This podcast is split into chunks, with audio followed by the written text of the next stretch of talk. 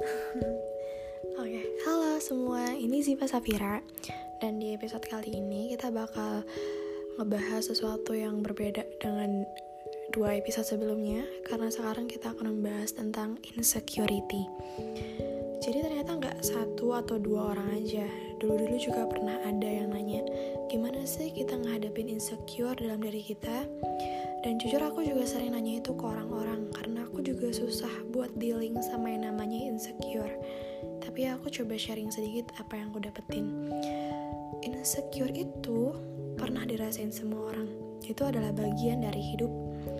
Apalagi kita yang berada di generasi narsis. Rasa insecure itu bisa dengan mudah kita dapetin. Cuma dengan melihat banyaknya orang yang menunjukkan kelebihannya, membuat kita mudah memiliki pemikiran kritis yang negatif terhadap diri sendiri.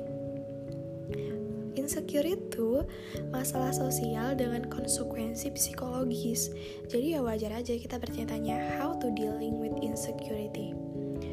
Tapi perlu dipahami, salah satu alasan terkuat kenapa kita bisa ngerasain insecure itu adalah kita yang menilai diri sendiri terlalu rendah, ragu pada diri sendiri. Jadi kita merasa malu, kurang mampu, merasa bersalah, tidak percaya diri, dan hal-hal buruk lainnya. Ketika kita melihat ada orang yang lebih dari kita. Otomatis dengan sendirinya kita akan menanggapinya dengan perasaan insecure. Uh, istilahnya kita akan merasa cemburu. Atau di kasus lainnya, kita akan menunda suatu pekerjaan atau bahkan tidak mau ikut andil karena kita akan merasa kurang mampu atau takut gagal melakukannya. Bisa dong ngehindarin perasaan itu, tapi kita bisa mengatasinya begitu rasa insecure muncul. Jadi misalnya kita tiba ngerasain tuh insecure dalam diri kita, coba bilang, oh I'm good, aku fine, aku baik-baik aja, aku worth it, aku bisa ngelakuinnya.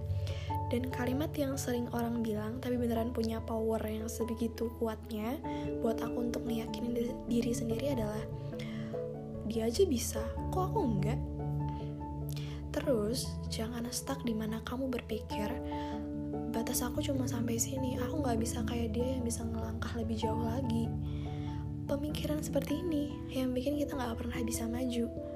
Jadi setiap ada kesempatan coba deh untuk berpikir untuk ngambilnya.